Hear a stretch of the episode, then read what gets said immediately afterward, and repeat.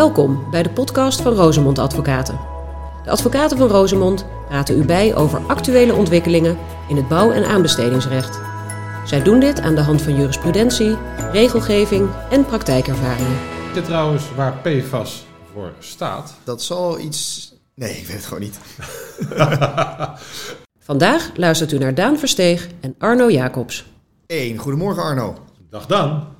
Van harte welkom bij een mooie aflevering van de Bouwrecht Podcast. Ja, ik ben, eh, ik ben de maagd op het podcastgebied, eh, althans het maken daarvan. Ik wou net zeggen, want als luisteraar ben jij meer dan bedreven, dus ik heb hoge verwachtingen voor waar jij ons mee gaat verblijden. Ik wou het vandaag hebben over de G van GWW. En je weet natuurlijk wat GWW betekent.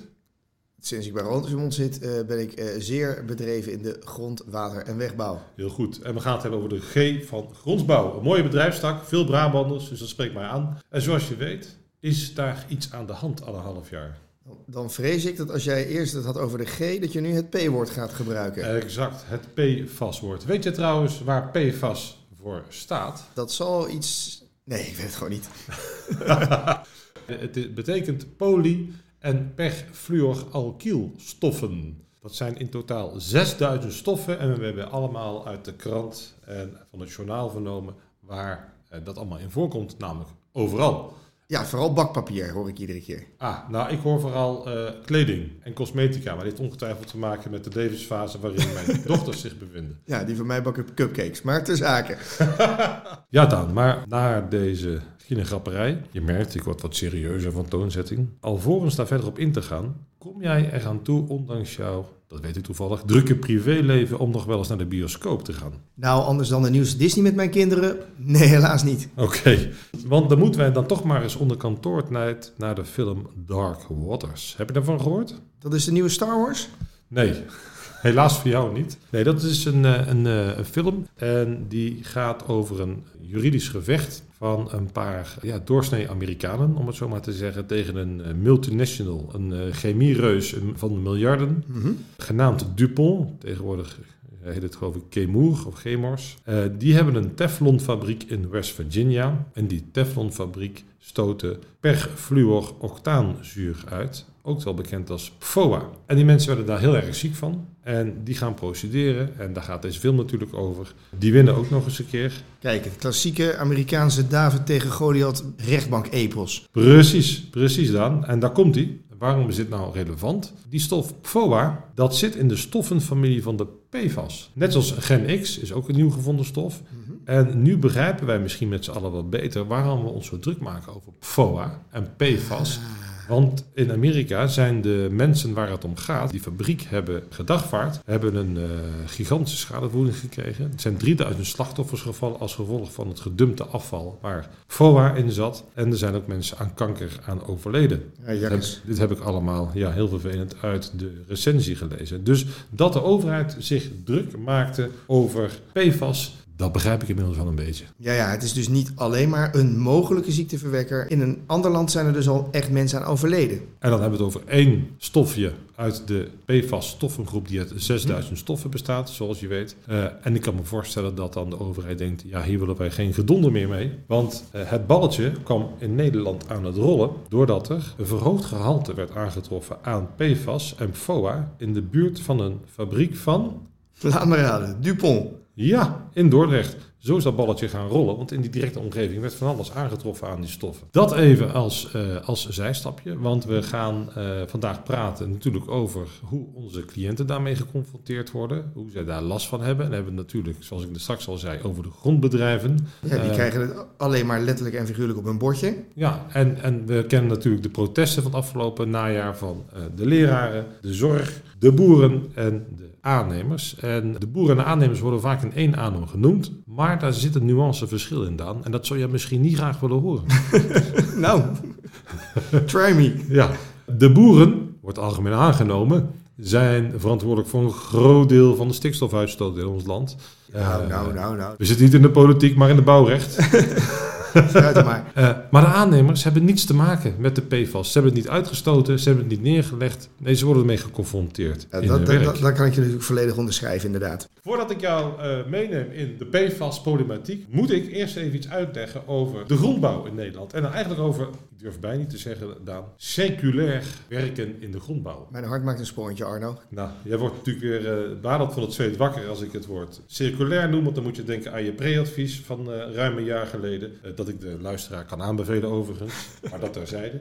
Nee, waar het om gaat, we zijn een klein land dus, en we hebben dus weinig grond, maar we hebben heel veel grond nodig. Dat betekent dat we grond moeten hergebruiken. En als we grond gaan hergebruiken, dan kan dat natuurlijk niet zomaar, want we zijn erin geslaagd in de afgelopen generatie zoveel rotzooi in die grond te stoppen. Dus daar zit een controlemechanisme op. Het gaat erom dat zodra je iets doet met grond of baggerspecie, hè, niet onbelangrijk voor de luisteraar, eh, je gaat het ontgraven, transporteren, opstaan, vermengen, ja. reinigen of toepassen. Ik citeer letterlijk de minister in een van de laatste brieven. Dan kom je in aanraking met dat circulaire uitgangspunt en een hele trits aan wet en regelgeving. Daar ontkom je natuurlijk niet aan. Nee, dat snap ik. Ja, en dan denk je natuurlijk, oké, okay, grond gaan we hergebruiken. Dus dat, moet, uh, dat is dan schone grond. Dat, dat neem ik aan, dat als je waarschijnlijk... Uh, ik krijg weer bestuursrechtnachtmerries uh, van mijn eerste anderhalf jaar advocaatstage. als je waarschijnlijk aan tal van normen voldoet, heb je daarna natuurlijk schone grond, ja. Nou, schone grond, dat heeft in het spraakgebruik een andere betekenis dan in het juridische taalgebruik. Namelijk, schone grond hangt af waar je het voor gaat gebruiken. Ga je het gebruiken voor industrieterrein of een parkeerterrein, mm -hmm. onder de klinkers moet gaan leggen, dat ja. mag van de andere kwaliteit zijn dan moestuintjes waar kinderen naast of op spelen of waar je de oogst van wil gaan eten. Ja, ja, ja, ja. Dus eigenlijk zeg je, het is niet schone grond, maar het is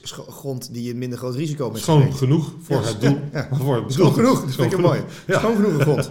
ja, dan heb je de industrieklasse, noemen ze dat, en je hebt de kwaliteitsklasse wonen. Bijvoorbeeld, uh, een voorbeeld, als ik tegen jou zeg dat je 1,2 milligram per kilogram droge stof heet dat, in de grond mag hebben van cadmium, dan uh, geloof je daar waarschijnlijk niks van, maar dat is gewoon zo. En daar is goed over nagedacht door dat RIVM.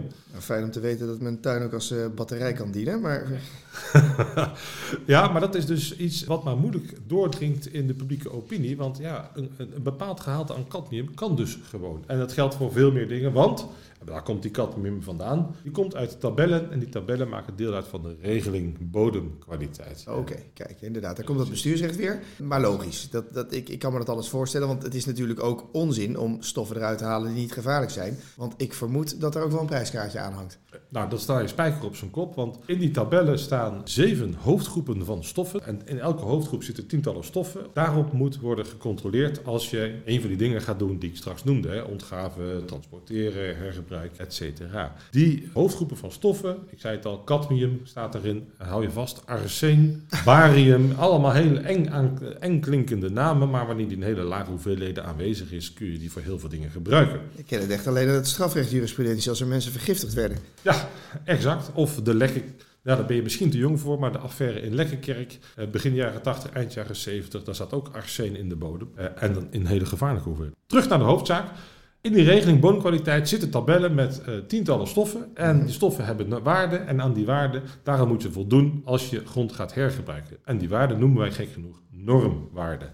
En die zijn uitgedrukt in aantallen milligram per kilo droge stof. Dat zijn wat we noemen de genormeerde stoffen. Want, zegt de overheid, je kunt niet alle stoffen onderzoeken. Dat zou dan leiden tot een totaal dichtlopen, dichtslippen, als ik een flauwe opmerking mag maken, uh, van de handel en het hergebruik in grond- en baggerspecie. Dus door RIVM zijn die lijsten opgesteld. Ja, ja met, met andere woorden, ik snap dat het ondoenlijk is om, om van elk stuk grond tot op het molecuul na te kijken wat erin zit. Ja. Het zal onbetaalbaar zijn waarschijnlijk. Klopt. Uh, dus we zoeken alleen naar die dingen uh, waar we bang voor zijn. Exact, en dat noemen wij het standaard stoffenpakket. Oh, heerlijk. Mooi, dat, dat wordt vast afgekort in het bestuursrecht.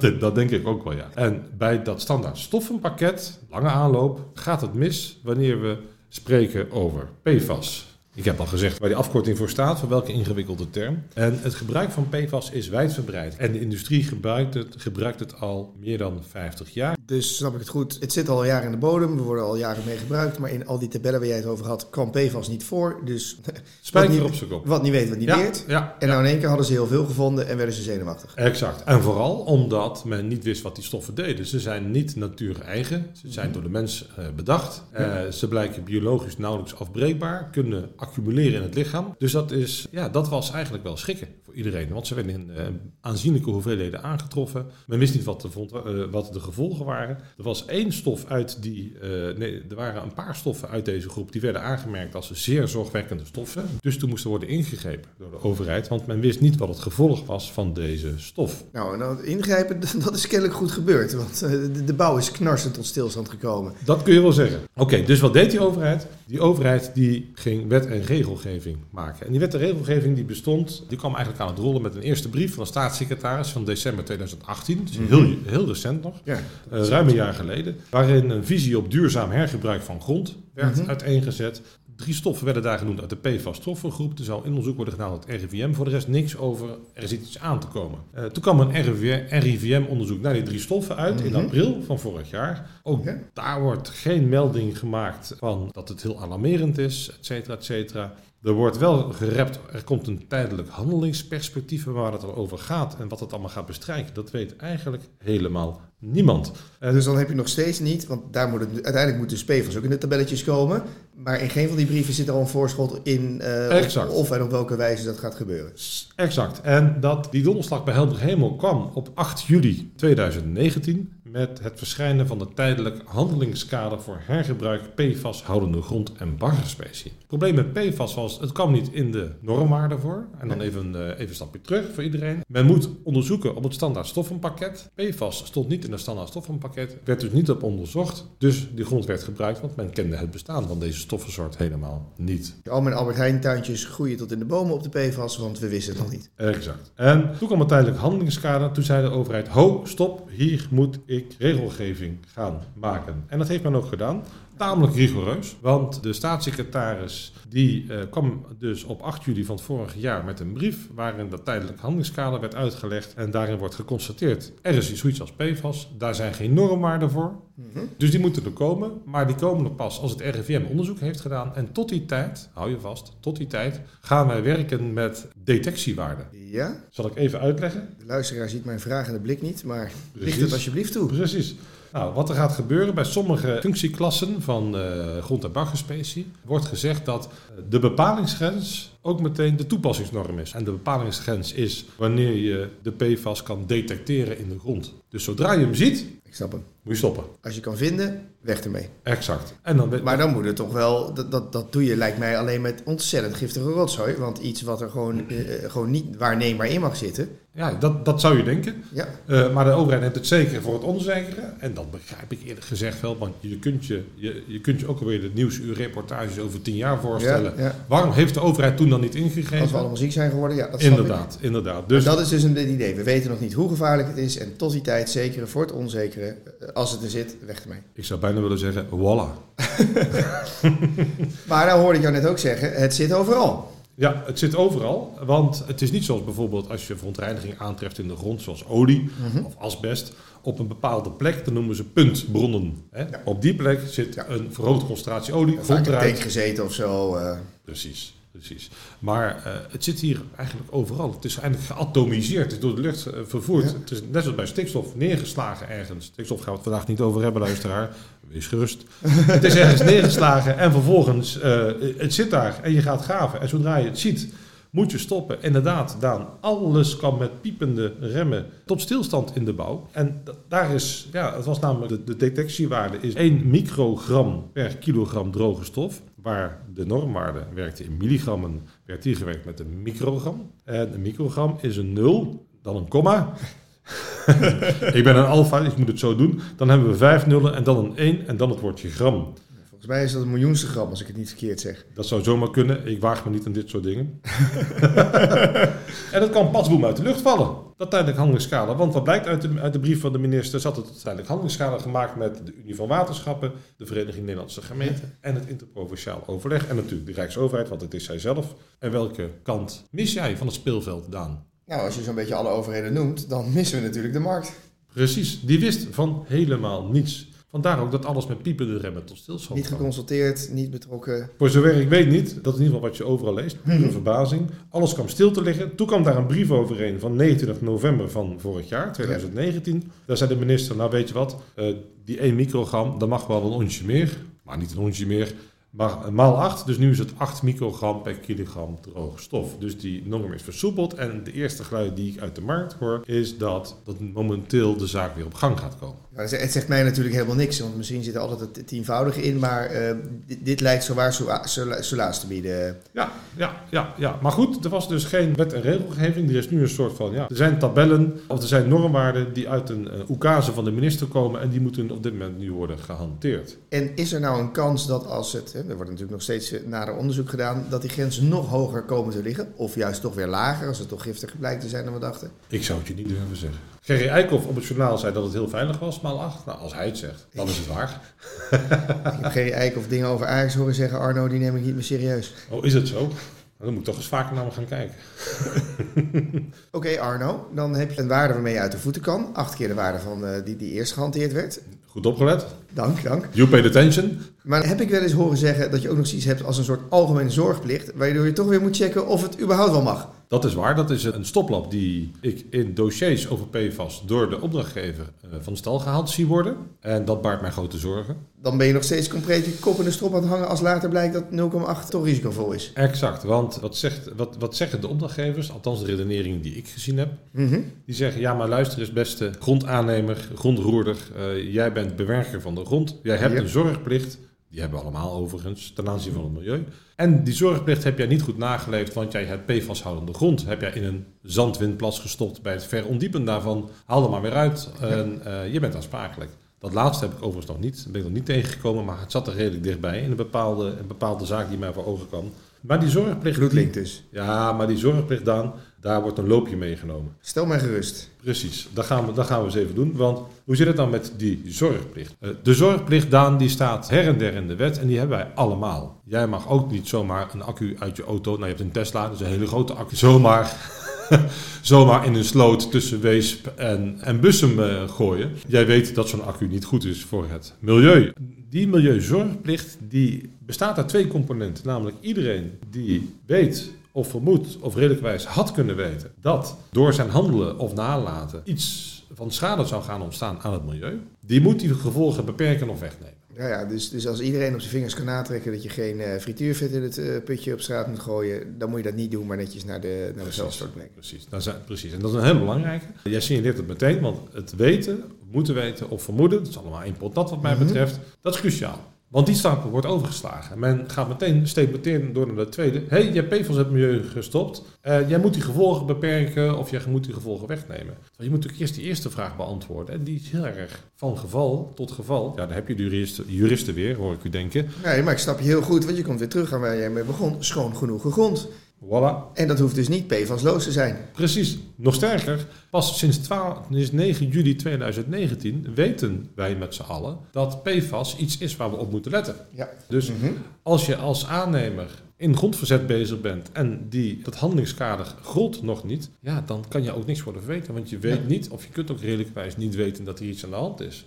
En ook als, het is, als, het, als de wetgeving eenmaal is uitgevaardigd, wet, of dat tijdelijk handelingskader na 9 juli 2019 eenmaal is uitgevaardigd. En je bent bezig met een werk, ja, dan ben je dat werk mee aangaan op bepaalde veronderstellingen. En dat zat, daar zat PFAS niet in. Dat kan als donderslag bij helder hemel zijn, net al. Nee, maar dus belangrijk voor die zorgplicht is weten dat iets schadelijk is. En als de overheid er zelf nog pas een halfjaartje achter is dat iets schadelijk is, Precies. dan zit je daar als aannemer. Hoef, hoef jij dat, had je dat niet hoeven weten? Exact. exact. En dan zeg jij ook, tenzij ik woorden in je mond leg, waar de overheid nu zegt niet 0,1 maar 0,8 gaat wel goed. Dan mag een aannemer er ook vanuit gaan dat de overheid erover nagedacht heeft. En dan hoeft hij dat niet zelf nog het RIVM nog een keer te corrigeren. Wat mij ook behoorlijk buiten de leak van een aannemerij gaat, maar dat is hij. Helemaal juist, op één kleine correctie na. Het is 1 microgram en dat werd later 8 microgram. Dus niet dat de luisteraar denkt 0,1 microgram en 0,8. Dat zei ik iets over alfa's. Velderend Arno. Maar tot zover Dank snap ik vooral waarom onze bestuursrechtelijke vakgenoten hiermee aan de slag gaan. Die hebben het razend druk. Dat kan ik me voorstellen. Maar uh, wat betekent dit nou voor jou als doorgewinterde civielrechtelijke bouwrechtadvocaat? Nou, dankjewel voor deze, uh, voor deze kwalificatie. Inderdaad, wij doen natuurlijk alleen maar privaatrechtelijk bouwrecht. En de invloed die van deze bestuursrechtelijke fratsen, om het zo maar te zeggen, uitgaat op het privaatrecht is nauwelijks te onderschatten. Dat kan ik me voorstellen. Als, als de boel kraakt en piepen tot stilstand komt, dan heeft dat ook een civiel aspect. Want de vraag is dan natuurlijk, wie gaat dat betalen? Zodra het tijdelijk handelingskader vorig jaar van toepassing werd, beïnvloedde dit de werken direct en ingrijpend. Want wat moest er gebeuren? We hebben het nog steeds over de G van grondbouw. Mhm. Ineens moesten er extra onderzoeken plaatsvinden Ja. naar de grond die werd behandeld. Daar was wel een overgangsperiode ingebouwd tot 1 oktober, meen ik uit mijn hoofd. Eh, maar die heeft geen echte noemenswaardige rol in de discussies Normaal natuurlijk, als je in één keer ook, eh, ja, Als je de bouwvak meerekent. En ga zo maar door. ook nog eens, ja. Eh, dus er moesten extra onderzoeken plaatsvinden op de aanwezigheid van PFAS. Dat kost geld en vertraagt de bouw. Dat, Mhm. je- dat, kan, dat kan iedereen op zijn vingers natellen. Als dan vervolgens bleek dat die PFAS-grond vervuild was, oftewel toen nog boven de detectiewaarde zat, nu 8 microgram, Mhm. ja, dan is die grond in één klap onbruikbaar. Is hij, eh, dan kun je daar niks mee. Terwijl UAVGC en UAV, maar vooral UAVGC, dat zijn contracten waarin de opdrachtnemer wordt geprikkeld tot innovatie. En die opdrachtnemer denkt vaak, hé, hey, ik kan die grond uit uiterwaarde graven, want dan moet misschien iets moois worden aangelegd. Die grond kan ik elders hergebruiken. Dat voordeel ga ik delen met de opdrachtgever. Ik krijg een scherpere prijs. Die krijgt een scherpere prijs. Misschien, misschien win ik zo mijn aanbesteding. Dus het kan het hele rekenmodel van de aannemer in de war schoppen. Nou, dan komt die grond eruit en die wil hij misschien wel binnen het werk gebruiken of vermarkten. Die is in één keer onbruikbaar, maar dat is niet het enige. Die grond moet je misschien wel gaan storten of Ja. gaan reinigen. Dat kost handenvol geld. Eh, en wanneer de bedoel- bedoeling was om die grond binnen het project te hergebruiken, dan moet niet alleen die grond die je afgegraven hebt storten of reinigen, Ja, wat heel veel geld kost, maar je moet nieuwe grond gaan inkopen, waar je er ook geen rekening mee had gehouden. het mes snijdt echt op alle kanten in het eigen vlees. Ja, en daarbovenop komt natuurlijk de hele discussie over de vertragingsschade. Om maar eens een stokpaardje van mijzelf te noemen. Wou net zeggen, als we het over lezenswaardige boeken hebben, dan wil ik toch wel het handboek Vertragingsschade in de bouw van harte aanbevelen. Dit wordt wel heel klef dan. maar goed, eh, jij vraagt natuurlijk nu af, maar ja, hoe is dat dan geregeld? Al deze gevolgen, voor wiens rekening komen die? En dan kijken we naar de twee meest gebruikte algemene voorwaarden in onze praktijk, de UAV 2012 en de UAV-GC. Eh, die kennen allebei een bepaling, die is vrijwel identiek. Namelijk dat maakt het makkelijk. Ja, dat is heel makkelijk en maakt, deze, eh, maakt het ook voor de luisteraar wat minder ingewikkeld. Die zegt eigenlijk het volgende: dat de gevolgen van de naleving van wettelijke voorschriften of beschikkingen die na de aanbesteding of in het geval van de UAVGC na de aanbieding tot stand komen of worden ingevoerd, die zijn voor rekening van de opdrachtgever. Nou, Dus dat is makkelijk. dat is makkelijk. Dat is een hele makkelijke, toch? Aannemer krijgt betaald, opdrachtgever moet betalen. Precies. Uitgangspunt is dus als er werk in uitvoering is en de tijdelijk handelingskader treedt in één klap in werking, ja, dan eh, heb je als eh, aannemer eigenlijk niks te vrezen van solvabele opdrachtgevers. Eh, aan de andere kant, als je een werk voor de inwerkingtreding van tijdelijk handelingskader is aanbesteed of Ja. contract is gesloten, maar het is nog niet fysiek in uitvoering genomen. Ja, Want zoals wij weten, uitvoering begint ook al met de werkvoorbereiding. ja. Dus Ook mensen dan- zitten nog te tekenen. Het contract is Ja. Daarvoor getekend. Ook dan geldt deze bepaling, want het is de dag van de aanbesteding is geweest en de dag van de aanbieding is geweest. En voor de uitvoering start, buiten, zoals dat ze zo mooi zeggen, treedt deze, wet, eh, deze regelgeving in werking. En dan, Da- da- Daar kan ik me als liefhebber van het aanbestedingsrecht natuurlijk alles bij voorstellen. Jij calculeert op basis van wat je dan weet. Dan heb je totaal nog geen benul dat PFAS de wereld gaat laten stilleggen. Maar nou weet ik ook nog aan het aanbestedingsrecht dat er volgens mij een uitzondering is, is als je dingen ziet aankomen. Ja, ja, dat is niet alleen het aanbestedingsrecht zo, de UAV en de UAVGC. In die bepaling die ik net besprak, zit een ontsnappingsclausule voor de opdrachtgever. Ja. Namelijk, wanneer het gaat om wet en regelgeving, waarvan de opdrachtnemer of aannemer eh, had kunnen zien aankomen dat die zou worden ingevoerd. Dat is een soort eh, bijzondere aspect van de precontractuele waarschuwingsplicht. denk ik. Ja, ja, zo zou je het kunnen inbedden inderdaad. En dat is natuurlijk ook niet gek. Als je, als je de kranten bol staan van morgen gaat er iets geks komen, dan zou je er natuurlijk wel eens kunnen rekening mee kunnen houden. Precies, precies. En het gaat hier om een uitzondering eh, Mhm. op de hoofdregel. En het aantonen van een uitzondering, dat is algemeen aanvaard eh, rechtsprincipe. Dat ligt op het bordje van de opdrachtgever. Maar in dit concrete geval is er iets geks aan de hand. En dat liet ik jou er straks ook al weten. Namelijk dat de het tijdelijk handelingskader voor PFAS is ingevoerd door in overleg met alleen de opdrachtgeverszijde van de bouw. Ja, nu snap ik waarom jij er zo'n belang aan hecht. Dus als iemand het niet kon zien aankomen, waren het de aannemers. Ja, als iemand het wel kon zien aankomen, waren het die opdrachtgevers. En die hebben het niet gezegd. Nou, dan hebben die het wel heel lastig om die uitzonderings, om die omkering van die bewijslast eh, te ja, laten zien. Ja, dat zou nogal wrang zijn als we op deze manier eh, dat, eh, dat zou, zou, daarmee weg zouden kunnen komen. Nou, dat klinkt wat vijandig, zo moet ik het niet zeggen. Nou ja, geef ze de kost, Arno. nou, het zou nog merkwaardig zijn, ik, ik, ik zwak hem wat af, Daan. Ja. Het zou merkwaardig zijn als opdrachtgevers, terwijl ze wisten dat dit eraan zat te komen, maar noodgedwongen moesten zwijgen waarschijnlijk. Hè, want het gaat waarschijnlijk allemaal toch een soort van geheimhouding. Ondanks hun kennis en, en hun stilzitten, Mhm. met vrucht een beroep zouden kunnen doen op deze bepaling. Nee, dat snap ik. Dat, dat, snap dat, ik, gaat ook snap niet. Dat gaat Dus niet. met andere woorden, eigenlijk hoor ik je zeggen, iedereen die voor jullie inschreef, hoeft zich geen zorgen te maken over ehm, dat ze die, die PFAS hadden moeten zien aankomen. Ah, dat, is, dat, is, dat, is, dat is helemaal waar. Een ander aspect is aan deze, aan deze beschouwingen... is dat de PFAS-grond door de inwerkingtreding van het tijdelijk handelingskader... dus, dat kwam net ook aan de orde... in één klap verontreinigde grond is. En ook voor verontreinigde grond draagt de opdrachtgever de verantwoordelijkheid. Dat klinkt allemaal heel vanzelfsprekend wat ik nu zeg... Mhm. Maar dat staat voor de fijnbroever in paragraaf 5 ligt 8 Juncto 29 lid 3 van de UAV 2012. Ja. En de UAV-GC kent daar een pendant en dat is paragraaf 13 lid 4. Dus Nou, dat, die, dat is toch fijn om die even aan de, eh, de uitvoerders eh, ter hand te stellen, zodat ze daarmee kunnen zwaaien als ze hem. eh, als dat ze dacht ik dan. hebben.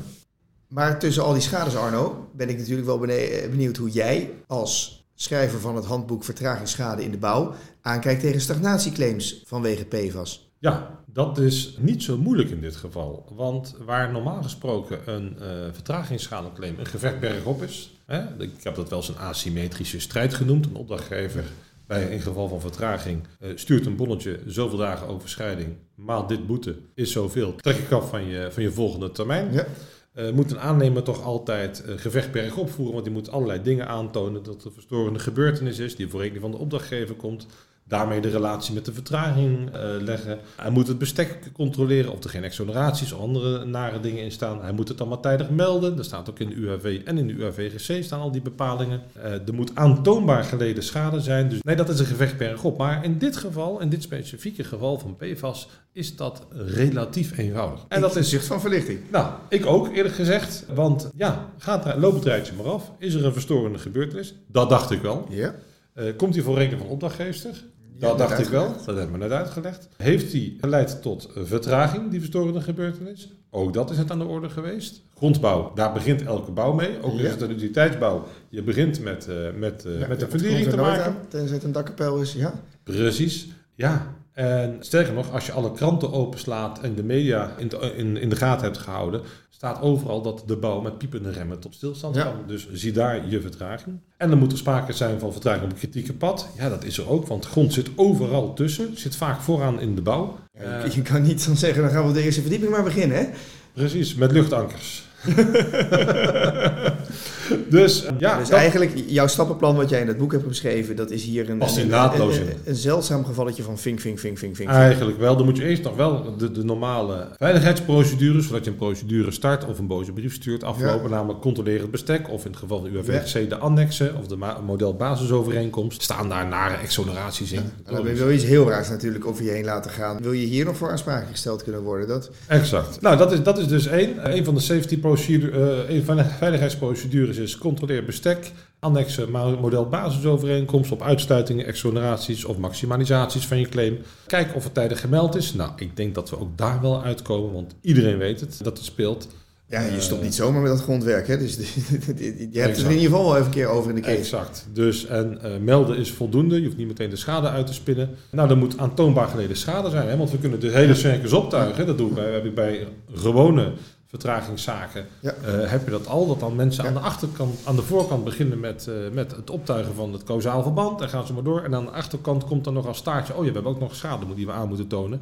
Eh, maar ja, kijk, aantoonbaar geleden schade in het geval van PFAS, ja, die is er wel. Kijk, los van de onderzoekskosten, dat geen vertragingsschade zijn, of het opnieuw moeten aankopen van grond, of het niet kunnen vermarkten van grond, dat is geen vertragingsschade, hebben we, hebben we natuurlijk een stilstand van het werk. En dat, Ja. is, een, en dat is een redelijk eenvoudige som die we moeten maken. Namelijk, we pakken de doorlopende tijdgebonden kosten. De leegloop komt aan de orde. Het demobiliseren van materieel misschien een extra keer en weer opnieuw mobiliseren. We hebben een prijsindexatie. We hebben misgelopen AK en winst, onderdekking daarvan. Dus daar zit veel vlees aan voor de aannemer. En ja, toch wel... Ja, terecht natuurlijk, want het is, eh, het, het, het is niet wat mensen wel eens denken natuurlijk, eh, schade claimen is geld halen. Het is ook gewoon echt schade die die leidt. Dit is gewoon echt gewoon geld dat is weggelopen Ja. van, de, van de inschrijver. Absoluut. Dus dat is, eh, dat is denk ik, wat je, als je het hebt over vertragingsschade en PFAS, denk ik dat we daarmee het, het, het speelveld in grote stappen weliswaar goed hebben, goed hebben afgekaderd Daan. En ik denk dat we hiermee ook wel de luisteraar een beetje inzicht hebben kunnen geven in de PFAS-problematiek. Nou, als ik jou goed heb verstaan, en dan kunnen we gelijk kijken of deze luisteraar het goed begrepen heeft.